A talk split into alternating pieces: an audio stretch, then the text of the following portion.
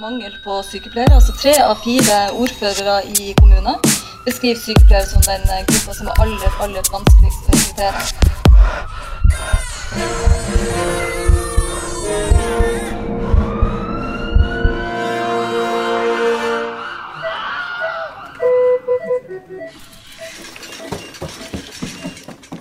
Velkommen til podkasten Hjelp, jeg er sykepleier. I dag så er hovedtema urologisk avdeling. Og gjestene i studio i dag er Susann Holm Bakke og Karoline Mo Bedell, som er sykepleiere på urologisk avdeling på Aker. Velkommen i studio! Tusen takk. Takk skal du ha. Så, få høre litt om dere. Susann, du kan jo begynne. Ja. Jeg starta på urologisk avdeling for eh, snart 13 år siden. Da starta jeg som student etter å ha tatt eh, sykepleierutdanningen eh, på Oslo OsloMet. Uh, ja, gikk da inn i en tredelt turnus, eh, og Fikk jeg jernteppe, men det går vel greit? bare Mm. Det går fint. Ja, ja, ja. Eh, ja, jobba i en vanlig tredelt eh, turnus i en del år eh, før jeg ble fagsykepleier. Eh, og i forbindelse med det så tok jeg eh, videreutdanning i kunnskapsbasert praksis, fordi det er, eh, var veldig relevant for den jobben. Tok også klinisk stige, som er et tilbud til sykepleiere på Oslo universitetssykehus. Så gikk det noen år, og jeg eh, ja, så at vi manglet kompetanse på stomisykepleier ved avdelingen. For vi har eh, pasienter som fjerner blæra si, og får da anlagt ofte en eh, stomi. Um, av både kontinent og, og en urostomi. Uh, og da tok jeg utdannelsen stomisykepleier sammen med Karoline. Hei, Karoline. Hei. Nå kan du fortelle litt om deg selv. Ja, jeg kom jo da litt senere enn Susann til urologisk avdeling. Det var jo i 2013, etter å ferdig utdannet, ble utdanna på Ja, hvor var det? HiO. Ja, det var det det het. Ja, Høgskolen i Oslo. Høyskolen Høgskolen i Oslo, ja. Eh, så det var egentlig at jeg var mest interessert i å jobbe med kreftpasienter, så jeg hadde Mm. søkt meg litt forskjellige steder. Så ble jeg innkalt til intervju på urologen, Mm. og der eh, eh, trivdes jeg veldig godt. Og jobbet eh, i en del år før, eh, før denne muligheten var hvor vår da eh, sjef eh, spurte om det var noen som var interessert i å gå på dette studiet, og jeg syntes at det hørtes veldig spennende ut, for den pasientgruppen som vi opererer, som vi kaller for cystektomi. Mm -hmm. som er da å fjerne Fjerne blæra og, som Susann sa, og få da en eh, pose på magen, som vi kanskje mest skal snakke om i dag. Mm. Eh, jeg likte pasientgruppen og synes, eh, søkte, og vi, fikk, vi var så veldig heldige at de sendte faktisk tre stykker fra vår avdeling til Bergen Til Bergen. eh, for å studere. Så vi var vel ferdig utdanna der i 2017. Så etter det så har vi fått, vært så heldige å åpne vår egen poliklinikk. Fire år i år. Wow. For jeg husker jo det i 2017. Da hadde jeg Jeg kan jo si det, jeg har jo jobba med dere på urologisk avdeling. Det er ikke så lenge siden jeg slutta der. Det var i fjor høst. Jeg savner dere litt, men jeg skal ikke snakke så mye om det. Men jeg husker da at eh, det ble feira med kake og det hele at eh, dere to og en sykepleier til hadde blitt stomisykepleiere. Men eh, fortell litt om urologisk avdeling. Den er jo bygd opp med både poliklinikk og akuttmottak og det ene og det andre og to sengeplasser. Kan ikke du fortelle litt om det, Susann? Ja, Urologisk avdeling det er jo ikke bare på Aker. eh, Det er jo egentlig over hele Oslo universitetssykehus. Med unntak av Ullevål, da. Men det er på Rikshospitalet, og det er på Radiumshospitalet, og så er det på Aker, da. Og Aker har to store sengeposter eh, med 18 senger hver seg. Den ene er fem døgnstrevet, den andre er syv. Det vil si at vi sammenslås i helgene. Eh, Vi har også et akuttmottak som eh, tar imot ca. 1500 urologiske øyehjelpspasienter i året. Jeg prøvde å finne den statistikken på hvor mange elektive inngrep vi gjør i året, men jeg finner bare det som kalles sammedagskirurgi, altså pasienter som møter samme dag som operasjon, og det er også ca. 1500. Men vi regner med 3000 innleggelser i løpet av et år, da. Eller Wow, det er ganske mange. Det er ganske mange pasienter. Ja, vi har jo da som sagt 18 senger. Eh, Der hvor jeg eh, jobber, på urologisk sengepost A, eh, der har vi jo stort sett disse blærekreftpasientene som får utført små førstegangsinngrep til de store operasjonene som innebærer fjerning av blæra og også omliggende organer. Da. Eh, så har vi nyresteinspasienter eh, som opereres for nyrestein, eller eh, blir innlagt til observasjon og smertelindring til stenen går av seg selv, egentlig. Men vi har også i tillegg overvektkirurgi, av alle ting. Eh, De har lånt sengeplasser eh, av oss hele veien. Eh, Også en spennende pasientgruppe. Vi har også noen små gastrokirurgiske inngrep. Ikke rent små heller, men det er, det er faktisk store brokkoperasjoner også som krever, krever sitt, da. Mm. Mm. det var urologisk sengepost A. På B så har vi først og fremst prostatakreft. Eh, Da er det fjerning av prostata som er eh, en av de operasjonene som gjøres. Eh, Det er også nyrekreft, hvor man fjerner enten hele eller deler av nyra. Og så har man en del generelle urologiske problemstillinger, da. Som eh, forstørra prostata og sånne ting, som også opereres på, eller behandles medikamentelt, da. Eh, Der har vi også eh, brystkreftoperasjoner. Eh, det kom bare for et par år siden.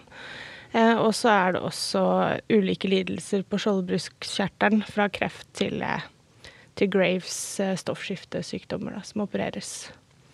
Eh, så det er en veldig spennende avdeling. Wow, ja, det er ganske allsidig. Man kan jo nesten kalle det en generell kirurgisk Ja, avdeling. Det jo mamma og pappa-avdelingen. Hummer og kanari.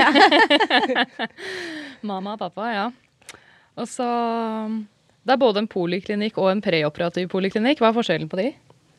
Poliklinikken der eh, gjøres jo utredningen av disse pasientene eh, eh, før de, det blir bestemt da, at eh, de skal til kirurgi. Eh, på den preoperative poliklinikken der tar vi inn alle disse sammedagspasientene til samtale før operasjon for å gi dem god nok informasjon, og for at de skal få snakke med anestesilege og også eventuell lege for å se om det må gjøres ytterligere undersøkelser før de kommer inn operasjonsdagen. Da. Og da forhindrer man at pasientene kanskje blir strøket fordi de trenger en hjerteundersøkelse eller andre ting før operasjonen. Da. Også for å ta urinprøve, som er veldig viktig når man eh, utfører kirurgi i uh, urinveiene. Ja, For det er mange som sier at urinen den er helt steril. Det er den ikke alltid. Det er den ikke alltid. Nei. Så det er vel på poliklinikken mange starter. da. Man har kanskje blod i urinen, eller et eller annet, så blir man henvist av fastlegen til Mm. poliklinikken. Så blir man utredet, og så ser man kanskje at oi, du trenger hjelp, du trenger kirurgi. Og så kommer man på preoperativ poliklinikk, får en dato, og så blir man operert, og da kommer man til dere. Så handler det vel litt om den der preoperative samtalen du har med sykepleier i forkant, også med legen, men eh, der, der de får ganske mye nyttig informasjon. Og, og, og vi- har i hvert fall god erfaring med at pasienter som har vært eh, på prepol hos oss, Uh, sitter igjen med et inntrykk av at de er i hvert fall bedre informert enn det de kanskje hadde vært hvis de ikke hadde vært der. Eh, ja. Og vi har jo brukt mye tid og ressurser på å utvikle skriftlig pasientinformasjon, som også er kunnskapsbasert, som pasientene får før de skal på den preoperative poliklinikken. Ja, og Da må jeg virkelig skryte av dere som er avdeling, fordi sånn er det ikke på andre avdelinger. Altså, Jeg har jo selv vært gjennom en annen operasjon for ikke så lenge siden. Fikk jeg noe informasjon på forhånd da? Nei. Det eneste jeg fikk, var en dato. Møte opp. ja. Ja. Da er det jo flaks at jeg er sykepleier. Jeg kunne jo bare søke opp prosedyren selv i e-håndboka, men det er jo ikke alle som kan det. Nei. Så jeg var litt sånn wow, her var det ikke mye informasjon å få, men det er dere veldig flinke på, altså. Ja, så vet vi vel også av erfaring at eh, selv om vi informerer pasientene, så er det jo ikke, er det ikke så alt, all den informasjonen de Nei. klarer å få med seg. Så da å få noe skriftlig ved siden av, det er eh, Og som følger deg hele forløpet, altså Ja. fra, fra før til utskrivelse. Så det Gjentagelse er ofte det beste. Ja. Og så er dere jo flinke til å skaffe tolk da, for de minoritetspasientene som trenger det. Ja. Ja, det, det prøver vi å tilstrebe visst, og det, det, det mener jeg at vi er flinke på. Både også før de skal opereres, også når de kommer på prepol, men også selve dagen de opereres, og også etter, etter operasjonen, da, når de har kommet opp på sengepost, og, og da med legevisitten.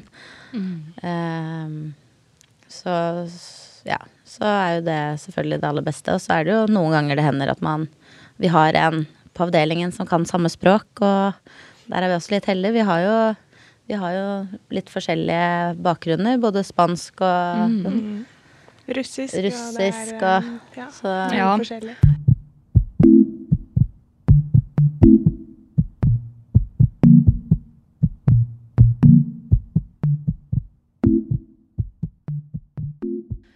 Hvordan er en typisk dag på urologisk avdeling da, fra man kommer til jobb eh, til man går, går av, hvis man tenker en dagvakt da, på sengepost? Ja, vi starter vel dagen halv åtte. Eh, og så da er det et morgenmøte med leder som informerer litt i forhold til eh, eh, Ja, vi har, vi har Uronytt, som vi kaller det, som vi gjerne går igjennom hva som ja, Nyttig informasjon, da, som, hva som har skjedd og hva som kommer til å skje i uken som er. Og noen ganger tar vi opp eh, eventuelle hendelser eh, altså avvik som, uh, som vi kan diskutere og, og, prøve å liksom komme frem til en enighet om hva, hva kan vi gjøre annerledes her. Mm. Uh, og etter møtet så har vi jo da en stillerapport hvor vi, har, hvor vi leser om pasientene i DIPS. Uh, og fordeler oss da, så klart. Vi er, vi er to grupper. Og så er det jo da medisiner og eh, newsing og få Newsing, hva er det? For de som er sykepleiere og sykepleierstudenter har kanskje ikke hørt om news ennå. Ja, nei, da tar vi og måler eh, vitale, holdt jeg på å si. Altså blodtrykk og puls og respirasjonsfrekvens, eh, eh temperatur. Mm. Og så tar vi og måler dette opp med hvor om, ja, om det er innenfor referanseområdet eller ikke, og så blir det forskjellige ulike skalaer, da. Mm. Husker dere hva NEW står for? National Early Warning Score. Det er helt korrekt. For da er man vel Jo høyere man scorer, jo sykere ser det ut som det er.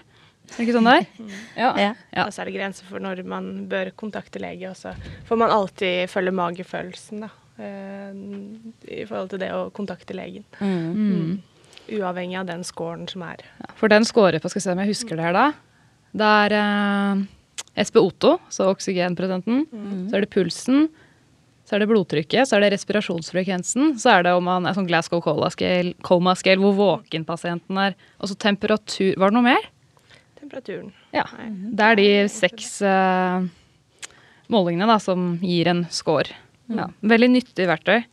Og så er det viktig at det gjøres eh, en gang per vakt da, for å følge utviklingen til pasientene. Mm. I hvert fall for våre pasienter som står i risiko for å utvikle blodforgiftning, da, eller sepsis, som vi også kaller det. Som vi også har hatt stort fokus på. Mm. Mm. Ja, hva mer gjør man når man er ferdig med gitt medisiner og njuse? Da er det lunsj, da. Ferdig. da har man gjort dagens. Nei, Man utfører jo ulike prosedyrer som må gjøres. Eh, F.eks. det å fjerne et kateter. Gjøre et stomistell. Eh, stelle sentralt venekateter. Eh, gjøre alle de oppgavene som må gjøres ferdig eh, eh, etter legevisitt. da. Kanskje mm. også delegerte oppgaver fra legen. Ja, Vi kan vel nevne det at vi har en gruppeleder på hver gruppe mm. som, som, har da en, et eget møte med legene, hvor de går rundt til hver enkelt pasient og prater med dem. Og så får vi da, når de har gått igjennom det og bestemt seg for hva, om pasienten skal avslutte noe antibiotika, starte opp med noe antibiotika, om det er noe som skal gjøres av intervensjoner med, eh, med pasienten, så, så, er det da gruppeleder som har det overordnede ansvaret og oversikten over det. Og så har vi da et møte eh, med vi som er på gruppa, mm. eh, hvor det, man går igjennom hva, hva, hva planen videre er. Mm. Eh, og så er det jo det at vi skal jo prøve å sende hjem noen pasienter også i løpet av dagen. Og så mm. kommer det jo også nye pasienter inn. Mm. Så det blir jo for dere har jo de som heter hva det var, sammedagspasient og morgendagens pasienter. Forklar forskjellen på det. Sammedagspasienter er som jeg sa i stad, pasienter som møtes samme dag som operasjonen. Altså mm. at de, de, kommer til et avtalt tidspunkt, at de eh, får eh, skjorte, støttestrømper og en ren eh, seng. Og får premedikasjon, altså ofte smertestillende eller antibiotika for å forhindre smerter og infeksjon. Mm. Eh, morgendagens pasienter er ofte litt eldre, eh, aleneboende, litt skrøpelige pasienter som kommer inn kvelden før, for de trenger ofte litt mer tid til å forberede seg. Ja. Mm, Eller så, eventuelt hvis det er lang reisevei. Lang reisevei ja. også. De sammedagspasientene de møter jo da opp på en egen enhet. De gjøres ikke klar på sengeposten, men på et eget sted dere kaller sammedagsenheten. Og morgendagens pasienten de møter på sengepost og gjøres klar av dere der. Ja, nattevakten, ja. ja. Mm. For det er da delt opp i sånn nummer én, to, Det er veldig bra system på det her, mm. må jeg si. Men uh, hvordan gjør man klar en pasient til operasjon uh, på sengeposten? Ja, nei, da, da må man jo skrive ut den premedikasjonen eller den, de medisinene som legen har bestemt at pasienten skal ha i forkant av operasjon. Uh, og så må vi da signere dette ut med en annen sykepleier hvis det er et A-preparat. Så pasienten Ja, og så sender vi jo da pasienten eh, i dusjen. det er jo det første, men da har vi allerede ofte ordna medisinene, men eh, ja. Eh, sender pasienten i dusjen og rer seng. eh, og så har jo pasienten da en kanyle på armen som eh, vi henger et, Når han er ferdig med det, så henger vi opp eh, litt væske som han skal, eller hun skal få for å ikke bli dehydrert. Hvis de må vente lenge før de kan spise. De er jo fastende da fra midnatt. Uh, og så går vi jo gjennom en sånn sjekkliste hvor vi altså får bekreftet at de er fastende, og om de har tømt eller må, har, de tømt blæra, eller har de har, Når var de på toalettet sist, og ja. Har de fjerna alt av ringer og smykker og Og markering, da, som er veldig viktig for disse som får en stomi. Ja, kanskje mest fokus på det som vi kanskje skal snakke om, ja. Det er eh, De blir jo markert opp ofte dagen før av kirurg, eventuelt av oss eh, stomisykepleiere, da. Ja, For de som kommer og skal gjøre en cystektomi, da, de som skal fjerne blæra, det er vel en av de største operasjonene dere gjør på avdelinga. Og de legges, legges de alltid inn dagen før? Som morgendagens? Ja. fordi med dem så er det så mye. De må vel eh, Ja, hvilke forberedelser er dere gjør dagen før operasjonen på disse cystektomipasientene? De skal jo gjerne ha en sånn tømningsregime eh, hvor, eh, hvor, de, hvor de drikker eh, noe som heter picoprep. Hvor de får ganske god effekt av den etter, etter en stund. Eh, og ja, da etter det så er det er jo ikke så veldig mye som skjer. De kommer jo, de får jo ikke spise noe særlig dagen før. Eh, Det er jo klare, flytende De får ofte gjerne litt buljong og kaffe og, og sånn som de får, får i seg av, av mat. Og så er det noe som vi kaller eh, pre-opp-drikker. Eh, De får to av dem. Eh, ellers så er det jo ganske lite. De skal snakke med kirurgen, da, og så er det jo vi som sykepleiere på avdelingen, enten stomisykepleier eller Vi har jo veldig mange erfarne sykepleiere som kan mye om stomi, selv om de ikke har tatt utdannelsen. Eh, og da, da får de gjerne prøve sånn pose og plate, eh, som vi kanskje skal snakke mer om etterpå. Ja, De prøver det på magen før de har gjort operasjonen? Vi prøver, vi setter det på motsatt side av der hvor eh, inngrepet skal være. For eh, i tilfelle det skulle være noen reaksjon på utstyret vi skal eh, Utstyret som vi setter på, da. Ok, så kommer dagen, da, og de, de er ferdig klargjort og blir operert. og Kommer de tilbake til dere samme dagen på Nei. Nei. De blir liggende til dagen etterpå på postoperativ avdeling. Postoperativ, ja. De ligger på overvåkning, og det er ofte Ofte så kan det trenge litt blodoverføring og litt ekstra overvåkning mm. før de kommer opp på sengeposten. Mm. Så de kommer opp eh, eh, ikke første dag etter operasjon, men andre dag. Ja, disse cystektomipasientene. Mm. For det er jo spesielt med dem at de får en natt på postoperativ først. Men hvordan gjør dere det med smertelindring, og hvilke typiske sykepleierprosedyrer er det som følges når de kommer tilbake til dere? Eh, når de kommer opp fra operasjonen, så er det jo vanlig at de har en EDA. Ja, hva er det? Ja, det er typen e- epidural som kvinner får når de skal føde barn. Ja. Nål i ryggen med direkte Nål i smertelindring. ryggen med smertelindring. Eh, og det er jo for å Ja, det er jo Ja, du kan vel kanskje si mer om det. Hvorfor de får det kontra det andre. Det er mange grunner til det. Ja. De, altså, denne pasientgruppen her er jo De sliter jo ofte med å komme i gang med mage-tarmsystemet, og de kan ofte få stopp i tarmsystemet, så de forsøker da med epidural smertelindring eh, kontra annet, da, som Mm, kanskje peros, ja. kan ha bedre effekt eh, på tarmmotiliteten da, og funksjonen. Det er ikke alltid like lett å vite hvor godt, man, øh, hvor godt det absorberes av de medikamentene som gis. Mm, peroralt. Ja, Mm. og så er, det jo, så er det jo også en ting å nevne at de, får, de spiser jo ikke noe hos oss øh, med en gang de kommer opp heller, så det er jo Nei, men stakkars ikke får hun spise før, og ikke får hun spise etterpå. Det skal sånn sies at de får jo næringsdrikkere eh, før, som Karolina snakka om, at eh, de er veldig karbohydratholdige. Og det er for å få denne lille boosten før inngrepet, da. Mm. At de får beskjed om også eh, spise godt med karbohydratholdig mat før operasjon. Men de skal også holde seg unna tunge eller kjøttprodukter, rødt kjøtt, melk eh, og masse, masse korn f.eks. som kan ja, Så er det viktig at de eh, er godt tømt og har en fungerende tarm før operasjon. Hvorfor er det så viktig å ha tom mage før operasjon? Det er jo fordi de ikke skal aspirere opp tarminnhold. Eh, også eh, fordi at de bruker tarm til å lage eh, denne her stomien. De bruker tynntarm til å lage urostomi.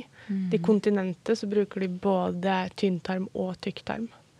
Det er ikke så viktig for tynntarmen sin, sin del, men det er jo Jeg vil tro det er leit å operere på en for, nærmest forstoppa mage. Ja. Det vil nok forsinke det, forsinke det å Jeg tror nok få det, i gang spørsmål, ja, det spørsmålet der burde kanskje stille en lege. Fordi at de, de, Ja, de, det er har forskjellige meninger. Det er forskjellige meninger om akkurat det der, skjønner du. Så, Men sånn for generell kirurgisk sykepleie, alle skal jo faste før en operasjon. På grunn av denne aspirasjonen av de som ikke vet hva det betyr, så er det Man er jo redd for at mageinnhold kan komme opp i lungene. Og at man da får en infeksjon og dør. Det er det verste som kan skje. Ja. Så ikke noe mat før operasjon, folkens.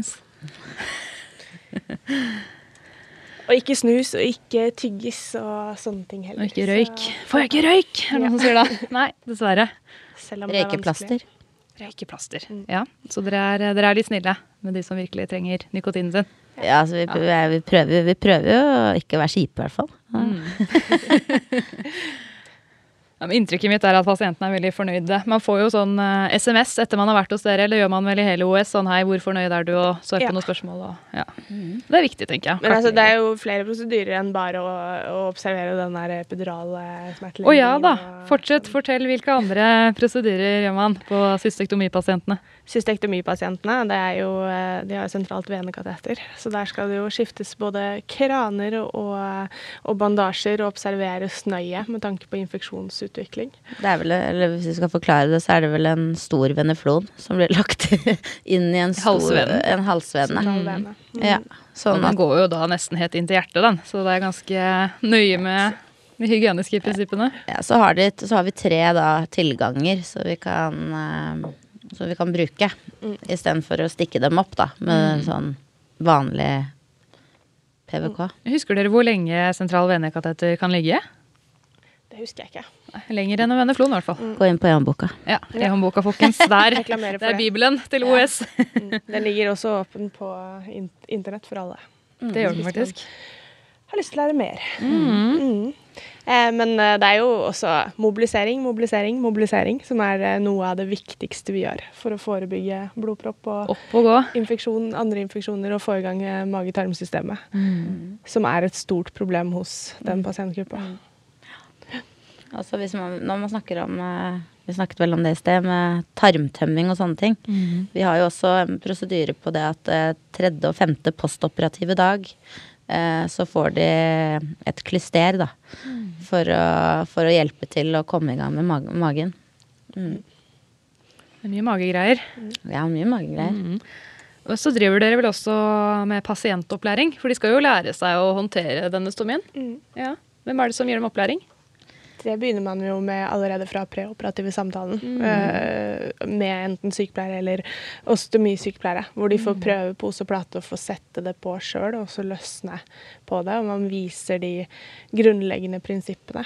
Eh, og så kan jo du fortelle litt mer om hva du gjør nede på PO dagen etter operasjon. Da. Fordi Ja, altså ofte så Ja, etter jeg opererte, så på, hver onsdag som Vi har jo ofte pasienter som blir operert tirsdager og onsdager, men nå føler jeg at det blir en, kanskje enda litt oftere, for vi har jo fått eh, Vi har, vi har ganske mange uh, mange som, som utfører den operasjonen. Så da, da, da går ofte jeg eller en annen stomisykepleier ned og, og, og hjelper til med stellet. Eh, og da er det vel mest bare for å også hilse på pasienten, hvis jeg ikke hadde anledning til det før, og presentere meg som stomisykepleier. Og, og, og se hva Målet er jo ikke at pasienten skal gjøre så veldig mye selv. Men, eh, men det at han bare skal få lov å kjenne på en eh, plate, f.eks., og åpne den, og bare få, få et lite inntrykk av pasienten, da. For det, det er jo Alle er vi forskjellige. Så da får man liksom et lite liten sånn indikasjon på hva som venter en også når han kommer opp på post, eller hun. Og mange husker jo det man har tatt opp på den preoperative poliklinikken da. Og, og mange begynner allerede da å gjøre ganske mye selv. Og jeg blir så imponert over eh, hva de får til. Mm. det, og selvfølgelig, man er jo veldig forskjellig. Det er man. Så det er ikke alle som er der uh, første dagen etter operasjon, men de husker små ting da, som man allerede har fortalt. Og det er jo det det handler om, å repetere hele veien.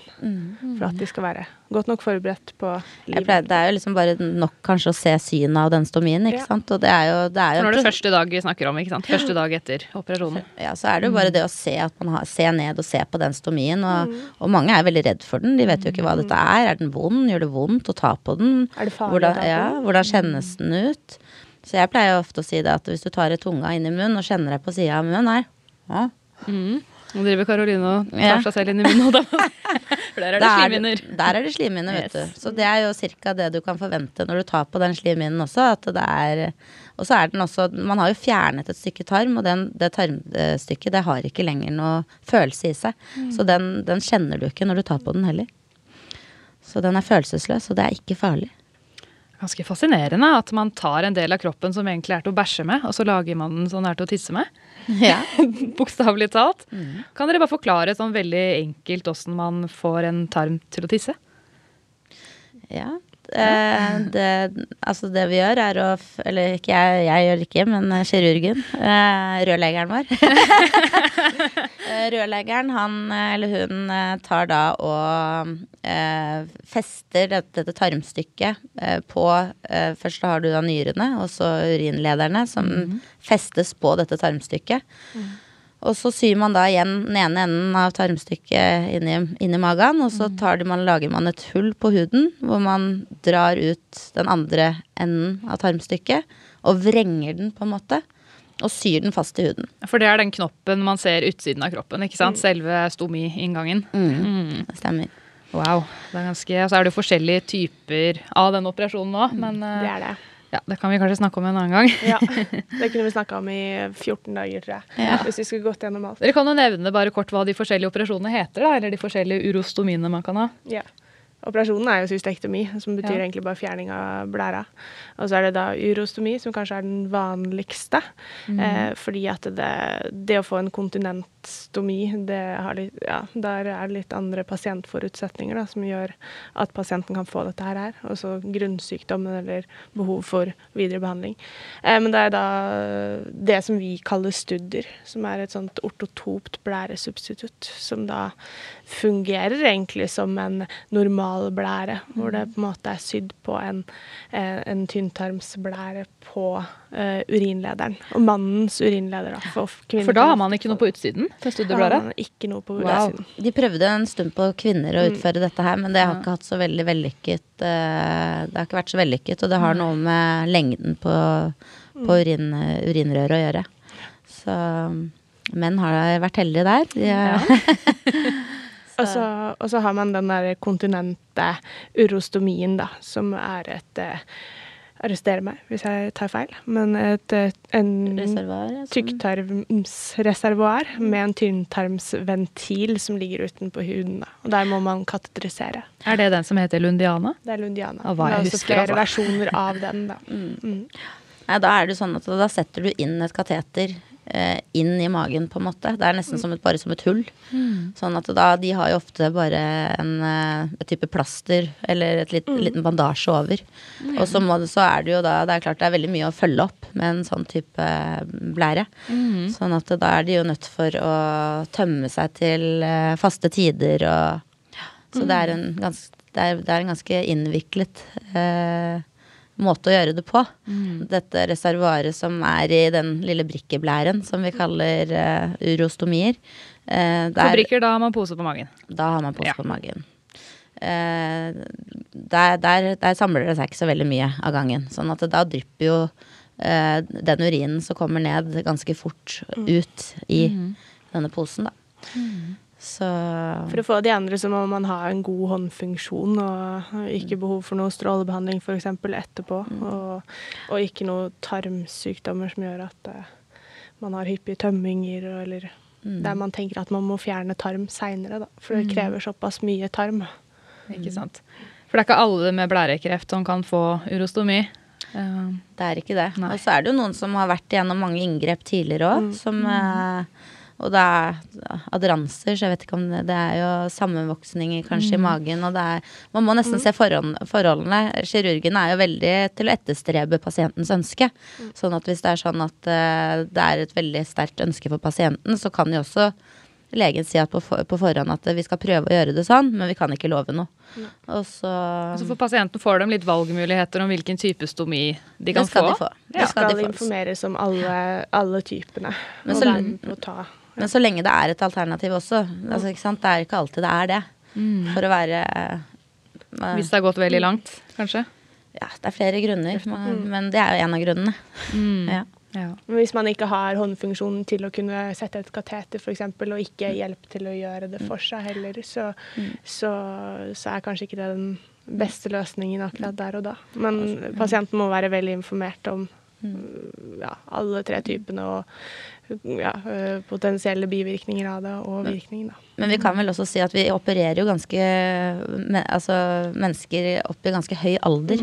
Så man må jo også prøve å være litt realistisk i forhold til Altså hvis man skal leve med dette over lengre tid, Ja. så er jo ønsket og ikke at de må komme inn og, og liksom gjøre om dette her, og da på et senere tidspunkt måtte få den urostomien allikevel.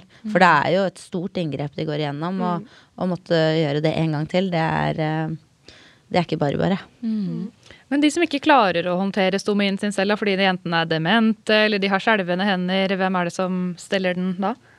Da må man jo kartlegge pasientens ressurser rundt der. F.eks. hvis du har en dement pasient, da, så må du ja, Har pasienten en ektefelle? Har eh, pasienten muligheten til å få hjemmesykepleie som kan stille opp? Eh, og og ja, kartlegge alt rundt pasienten og sette i gang hjelpetiltakene, da.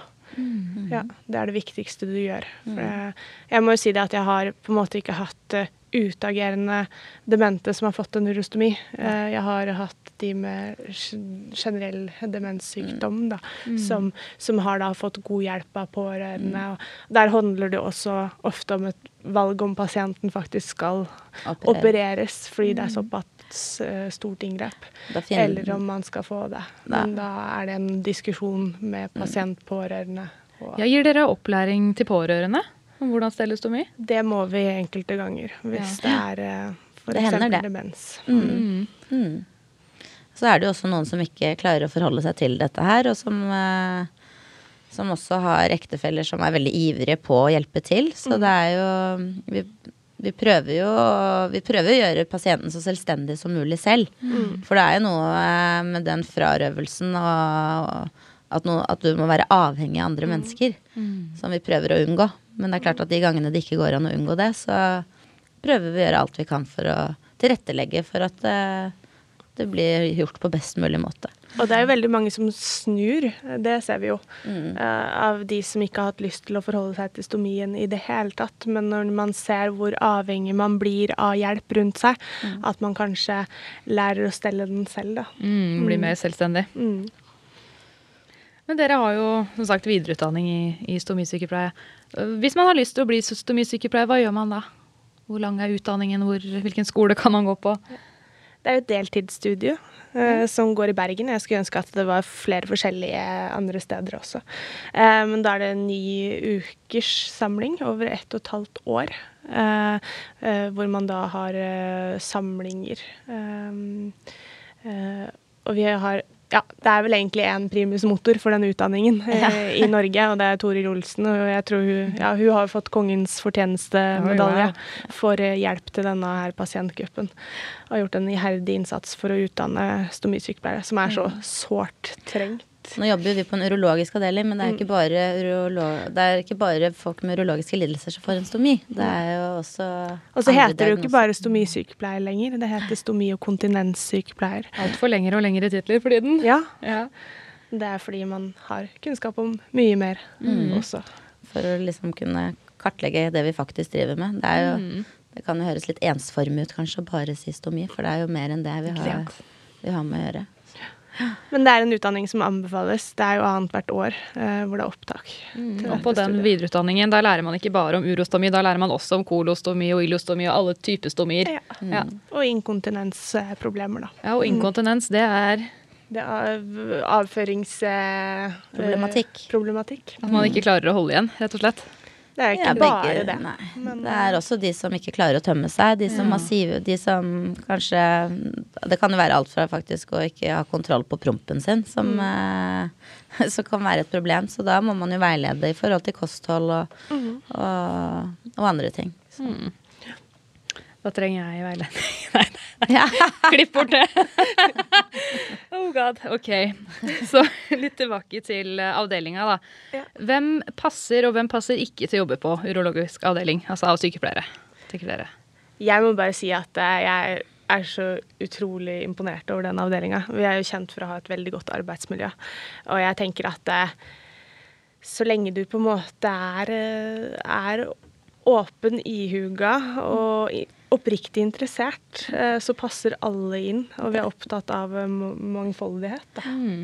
Så er, vel, ja, så er det vel å Hvis du har lyst til å jobbe med kreftpasienter, altså gruppe med Det er jo veldig det er ikke, Og så er det ikke bare kreft, det er veldig variabelt. Og så er det jo pasienter som eh, opereres, og så forsvinner de jo ut igjen. Så vi får jo ofte Vi, vi, vi gjør dem jo friske gåsetegn, og så Så vi, vi, er ikke en medisinsk avdeling som sådan. Det er klart at vi får jo tilbake pasienter, men, men vi har jo ganske mange sånne Vi opplever det sånn, sånn, som en sånn fin fin eh, overgang på en måte sånn fra de å bli operert, og så, så drar de hjem. Og så er det jo kanskje vi som stomi- og inkontinenssykepleiere, eh, inkontinent, in, Kontinens. inkontinenssykepleiere, som, eh, som står for, eh, for den videre oppfølgingen, da. Sånn at eh, ja, vi, vi er jo så heldige som får lov å være med og ja, gjerne ja, i mange år. Vi, har jo, vi har jo noen pasienter som vi har fulgt siden poliklinikken starta. Så det er Ja, for dere har starta egen stomipoliklinikk. stomipoliklinikk. Hvilket år var det den starta? Ja, det er fire år siden, da, så da kan man jo regne, regne sjøl. Vi som er gode på hoderegning. ja, Var det 2018, da? ja, det ble 2018. 2018. Mm. Mm. Mars. Ja. Men litt tilbake til sykepleiere som kan jobbe der. Eh, Kan helt nyutdannede sykepleiere jobbe hos dere? Det går helt fint. Ja. Eh, og vi har et en, uh, opplæringsprogram for nyansatte. hvor de får, eh, på lik linje som også studenter gjennom hele året, en introduksjonsdag. Og man går med en kjent sykepleier i tre uker for opplæring. Eh, hvor man da også etter hvert får opplæring på den preoperative poliklinikken, nattevakter. Eh, og så eh, kanskje år ut i forløpet at man får opplæring i mottaket vårt. Da. Mm. Så vi har eh, mange studenter som begynner hos oss eh, etter eh, endt studie. Ja, Vanlige bachelorstudenter ikke Ja. sant, som har sin kirurgiske praksis hos dere. Ja, men henne sitter jo her. Ja, og jeg. Du var student der selv, du? Ja. Var, du var du? Nei, jeg var ikke student der. Nei, det var, Nei, det var det meg. var, det var deg. Det var refererte. Ja. Så det er, ja, det er mange med meg som har starta der. Det, Jeg visste ikke hva jeg gikk til. Jeg bare søkte på så mange jobber. Jeg bare, ja, urologisk avdeling, det er sikkert gøy. Jeg visste ikke at det var en kirurgisk avdeling engang. Jeg bare, ja, ja. Men, eh, det var det, men det, jeg lærte veldig mye der. Det må jeg bare si.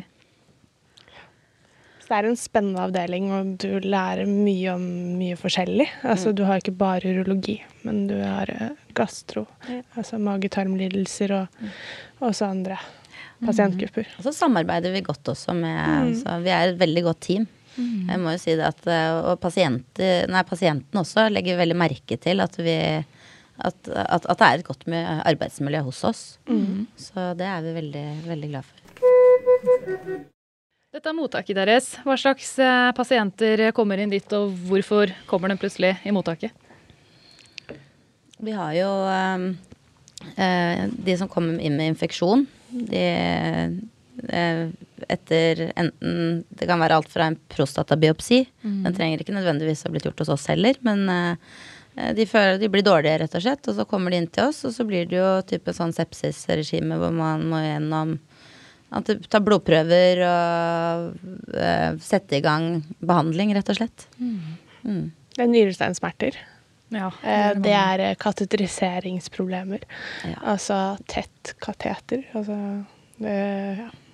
Kateter som ligger i urinveiene.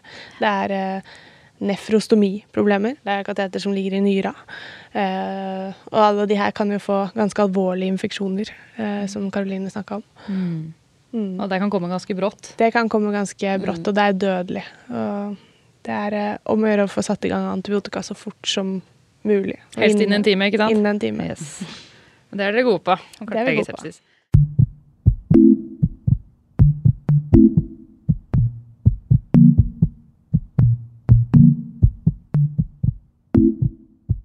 Ok, dere. Da er det tid for Q&A, direktesendt på Instagram. Ok, Det har kommet mange spørsmål inn, og jeg tror 90% av spørsmålene har vært om stomi, men det kan jo dere. Ok, Her er det første, det første spørsmålet som kom. Hva er deres beste råd for å hjelpe pasienten med å akseptere sin stomi? Mange pasienter har problemer med å akseptere dette. Ja, da, da begynner vi kanskje med den derre Starte på prepol, da. Eller Ja. den derre Men det er ikke alle som har en prepol. De som jobber i hjemmesykepleien kanskje- og sykehjem og ja. ten, De tenker kanskje mer rett retta mot de de som har kommet hjem? Ja. Ja.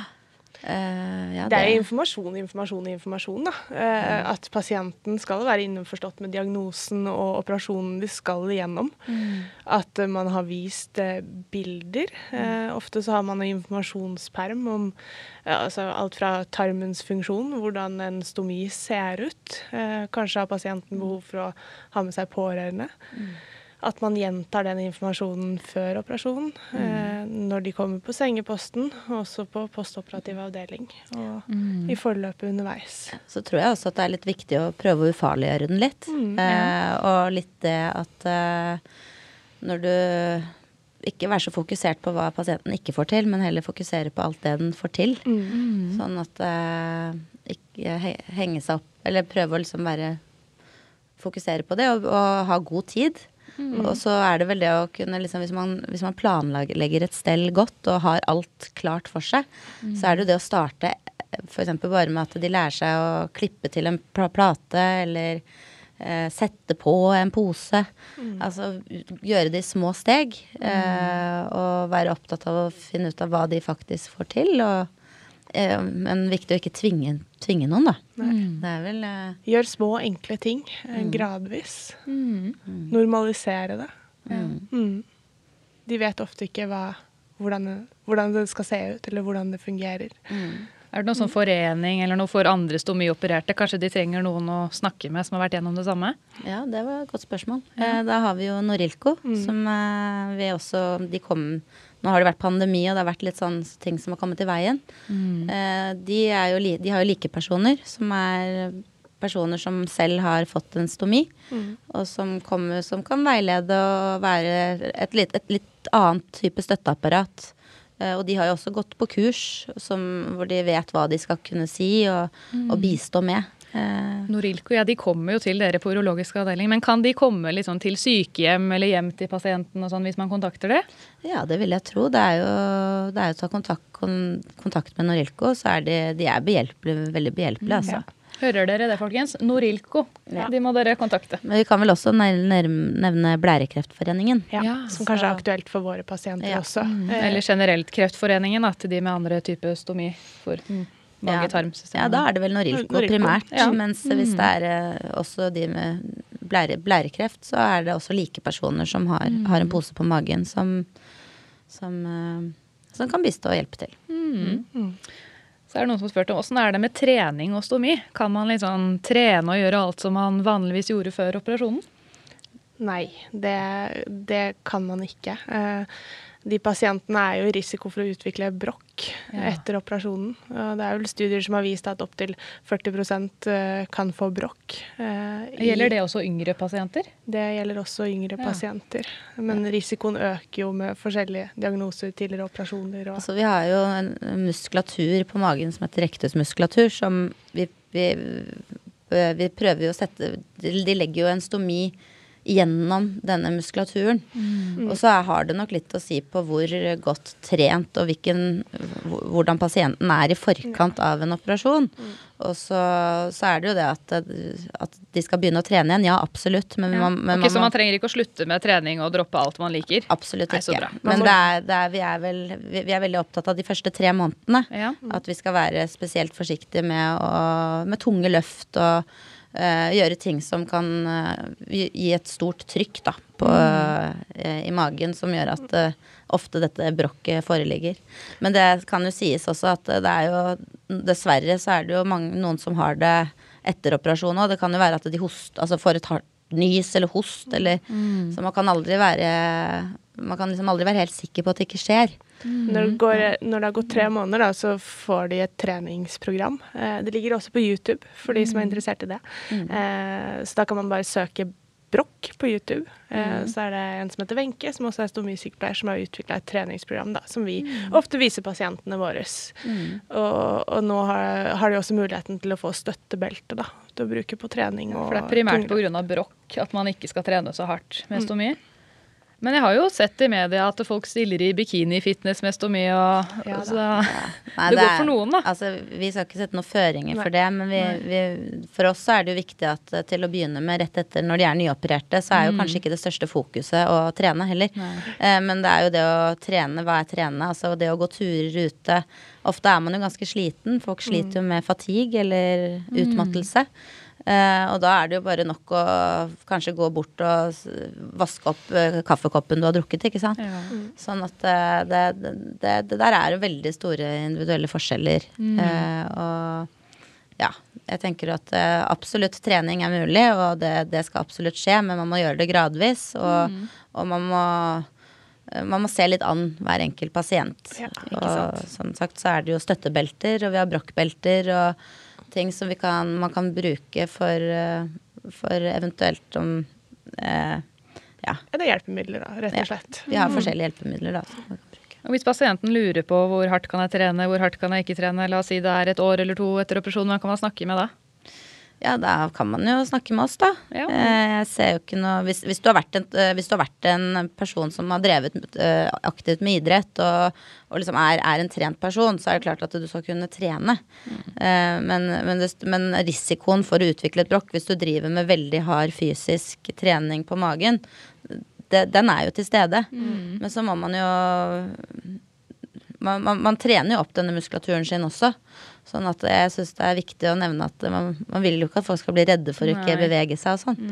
Men det Og det er noen som faktisk får brokkfrykt, Ja. fordi vi har snakket såpass mye om det. Så det er blitt litt for mye med mye Nå kan vi bare ta det først som sist, for det er ikke alle som er helsepersonell som følger med på det. Hva er brokk? Ja, brokk er jo eh, en, altså tarmen vår det som kommer da ut av, eh, av denne muskulaturen på Den magen. poser seg ut liksom i Ja. Så noen får jo brokk på magen, andre kan få den i navlen, andre kan få den med sånn Lysken? lyskebrokk. Er det farlig med brokk? Det kan være, men det er ytterst eh, sjeldent. Det kan være ubehagelig, sjenerende. Og så kan det noen ganger stenge for blodforsyningen. Da, Da kan det bli farlig. da må man Da kan det bli farlig. I spesielle tilfeller. Hva gjør man da? Opererer man det vekk, eller? Ja, da må man jo fort inn på sykehus og bli reoperert. Men, eh, mens eh, ellers så er det jo mer eh, Vi prøver jo og lengst mulig å ikke operere et brokk, for at det er jo også en fare for at det kommer tilbake igjen. Eh, og det er derfor vi ønsker jo helst at ikke det brokket noensinne skal komme. Men det er jo Det kan man jo ikke bestemme på forhånd. Ikke sant? Og så her er et spørsmål som mange har stilt. Hvordan er det med seksualitet og stomi? Og her har jo dere skrevet en hovedoppgave om temaet, har dere ikke det? Jo. Ja. Jo, du skrev vel om kvinnene. Du kan vel kanskje si noe om de? Ja, eh, fordi når jeg begynte som sykepleier, så, så hadde jeg kanskje den oppfatningen av at, eh, at pasientene er i en alder hvor eh, de har slutta med sånt. Og det er vel kanskje en ønsketenkning hos eh, noen at foreldrene ikke har et seksua- seksualliv. Eh, men sånn er det jo absolutt ikke. De er jo opptatt av det her på lik linje som alle oss eh, yngre personer også. Eh, hos kvinner så kan det jo ha ganske store konsekvenser å operere i magen og underlivet. Eh, Når man fjerner blæra, da, som er aktuelt i vårt tilfelle, så fjerner de jo ofte livmor, eggstokker og sånn i tillegg eh, også, og kanskje deler av vagina. Og det vil jo ikke bare gi fysiske endringer, men man setter kvinnen i overgangsalder. Tørre slimhinner, redusert lyst, eh, forkortning av vagina. Eh, andre ganger så kan det være stenosering, altså at det blir trangt, at det er arrvev. Eh, men det fins eh, masse ulike hjelpemidler. Eh, Det kan være smerter. Eh, Og så er det, er det jo også mennene som du har skrevet oppgave om. Ja. Nei, ja, det er, det er klart at eh, de fjerner jo både prostataen, hvis ikke de har gjort det i en tidligere operasjon. Det er noen som har gjort det òg. Eh, og så er det når man, når man går inn for et så stort inngrep, så er det jo også nerver som eh, blir påvirket. Og så må vi jo ikke glemme hodet vårt, da, som er det største seksuelle organet vi har. Så det er ikke sånn når, all, når det har pågått så mye ting der nede, så er jo liksom det en ting er å ha lyst, altså sånn, tro at man har lyst på sex, en annen ting er er man mentalt klar for, for at noe sånt skal skje. Og så er det vel viktig for oss å snakke om at hva er sex? Eh, det er ikke bare å, å liksom sette tiss inn i tiss, på en måte. Det, er, det, kan, det kan omhandle mye. Det er nærhet og kjærlighet og øh, øh, Men, men det at seksualdriften vil påvirkes etter et sånt inngrep, det er nesten øh, ikke å komme bort, bort ifra. Så vi, vi, vi, vi- vi starter jo gjerne med å informere om ulike hjelpemidler. Ja, For det er ikke takk og farvel til sexlivet bare fordi man får en stomi? Nei. Det vil jeg absolutt ikke si. Mm, Men det er klart at den er påvirket, vil bli påvirket ved, i forhold til erek ereksjonen. Ereksjonen vil jo, i hvert fall til å begynne med, være ganske fraværende. Eh, og så er det jo sånn at disse mennene, de har jo eh, svampelegemer i penis. Som eh, fra man er, ligger i magen, så får man jo en ereksjon. Og denne ereksjonen er jo ikke av ingen grunn. Ligger i magen altså når man er et foster? Ja, man kan, man kan jo Ja. se den ereksjonen allerede da i magen. Men altså, er, ereksjon er eh, får, de, får man eh, Det er vel to ganger døgnet døgn eller noe sånt som er sånn gjennomsnittlig. Eh, uten at man selv ønsker det. Det er bare en sånn naturlig ting som kommer. Og det er jo for å holde liv i dette svampelegemet. Eh, og hvis ikke det, den blir fylt opp med blod, så visner det også. Sånn at eh, det er viktig å informere pasienten om at penis vil kunne bli forkortet, og den kan også bli tynnere. Ja. Uh, og da er det jo hva er det som finnes av hjelpemidler, og det er, prøver vi jo da å informere om. Eh, det er jo tabletter som man kan prøve, Mm. og vi har pumper, Penispumper. penispumper. Ja. Og så finnes det også injeksjoner som kan settes direkte i svampeleget. Sprøyte rett i penis, andre ord. rett i penis. Som kan gi en, eh, en, en kunstig, kunstig ereksjon, da. Og kvinner, da? Hva, hva kan de gjøre for å få et bedre sexliv etter en eh, cystektomioperasjon? Det er jo først og fremst det. Man må vite hvor mye av vagina som eh, er tatt. Eh, kanskje man må starte forsiktig med en eh, finger. Eh, dilatorer finnes det også. Eh, det er glidemiddel hvis man sliter med nedsatt eh, fuktighet. Eh, det kan være massasjeapparater for å på en måte Der er det også en nerveskade, eh, så man kan ha manglende evne til å få orgasme. Eh, det Ja, åpenhet med partner. Det kan være det å bruke undertøy, eh, kan det være. Eh, de kan jo få ulikt undertøy på resept. Eh, og, men Hva slags undertøy er det? det kan være blonde, blondebelte.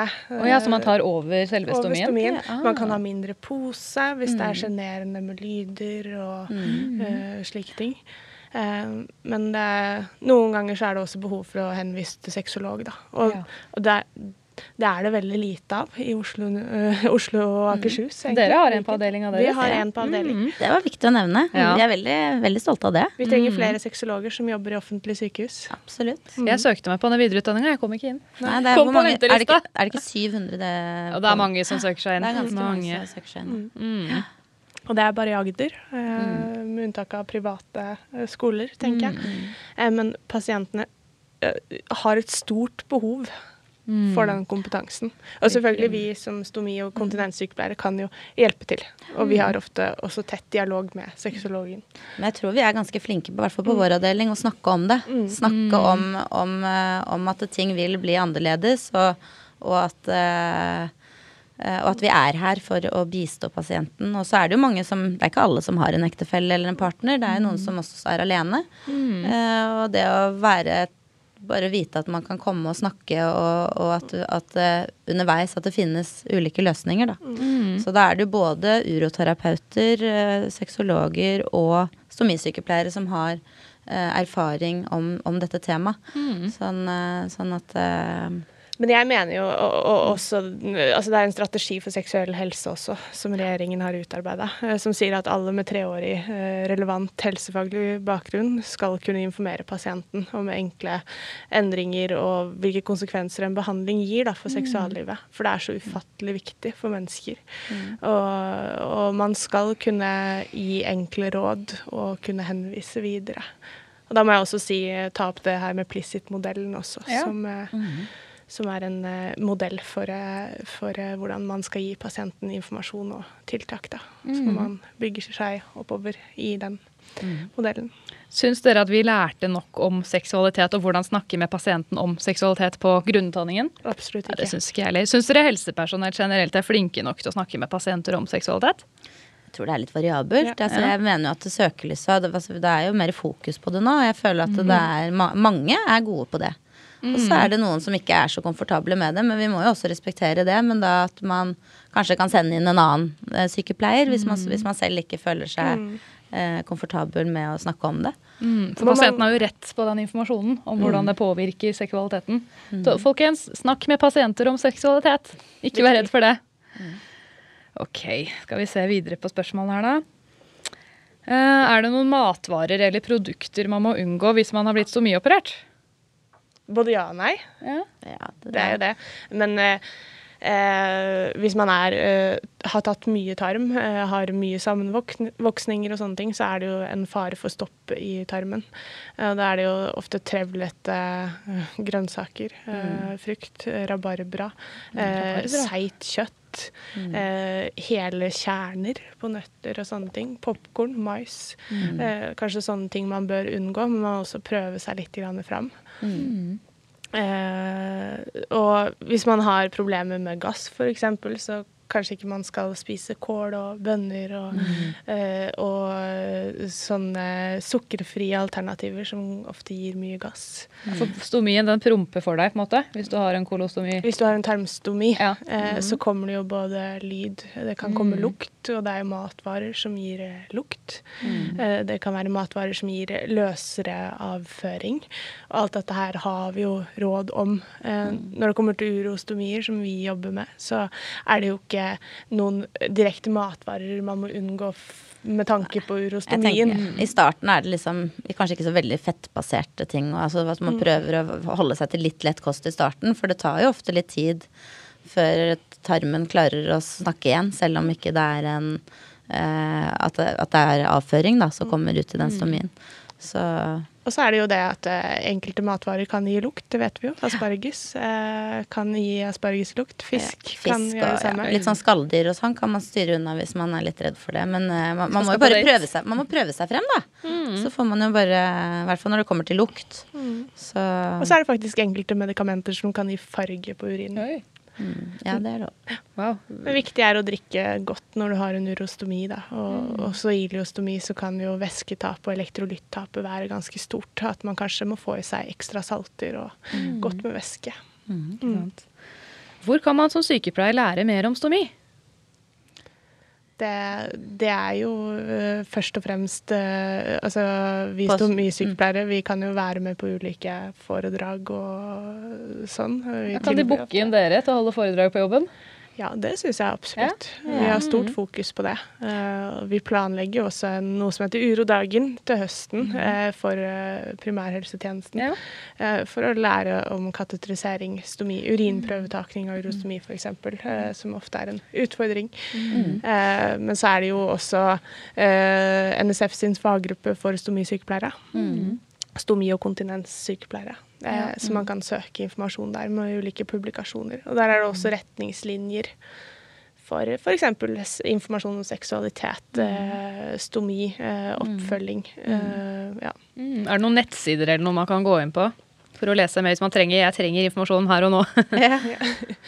Eh, ja, jeg slår et slag for E-om-boka igjen, ja. Så der har vi både behandlingsplan, som er kunnskapsbasert. Det er, det er også eh, prosedyre for forberedelse, stomimarkering, eh, kostholdsråd. Eh, og det ligger åpent på in internett. Det sjekka jeg i går. Ja, og så har jo sikkert, altså Det er jo massevis av produsenter, jeg skal ikke reklamere for noe, men de produsentene har vel også informasjon på sine sider. Ja, Ja. ja, ja, ja så jeg tenker på ban- bandasjister og Ja. sånne ting. Ja. Det, Det, mm. er- det, det Og leverandører har Ja, masse leverandører forskjellige brosjyrer. Norilco har også det, altså. Ja, Sånn at, så bra. Og så har vi en telefonoversikt over alle stomisykepleierne i Norge, så det er bare å ta en telefon. Hvor finner man den oversikten? Den er det bare å google.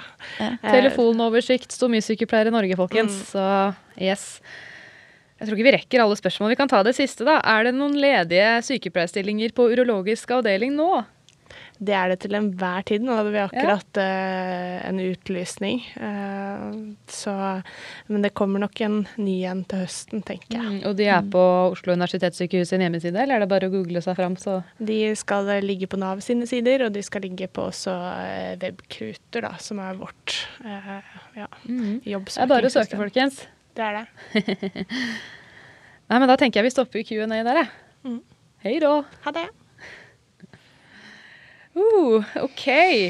Skal vi runde av? Ja. Ja, det Det syns jeg. Karoline og Susann, tusen takk for at dere kom og gjesta podkasten min. Tusen takk for at vi fikk komme og snakke om det her viktige temaet her. Mm, jeg føler vi kunne snakka i timevis. Så må man jo liksom stoppe litt innimellom. Ja, Kanskje dere kan komme en annen gang. Kanskje det. Får bare invitere. Oh yes. Gjør det. Ferdig. Takk for at du hørte på Hjelp, jeg er sykepleier. Jeg blir veldig glad hvis du anbefaler podkasten min til en venn eller kollega, eller andre du kjenner som har interesse for sykepleierfaget. Hvis du vil gi meg tips eller tilbakemeldinger på podkasten, så kan du enkelt sende meg en DM på Instagram. Der heter jeg trainee-sykepleier og svarer alle så fort jeg kan. Takk til Kubrix som stiller opp med studio og utstyr, og takk til Philip Østli for klipp og musikk.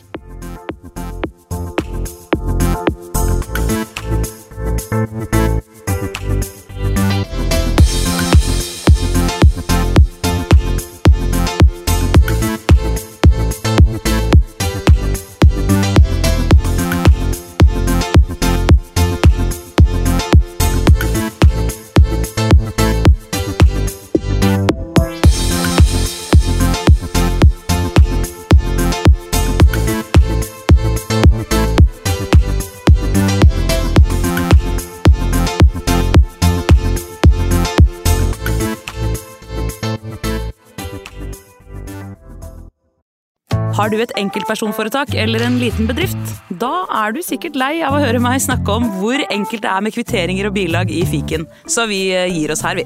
Fordi vi liker enkelt. Fiken superenkelt regnskap.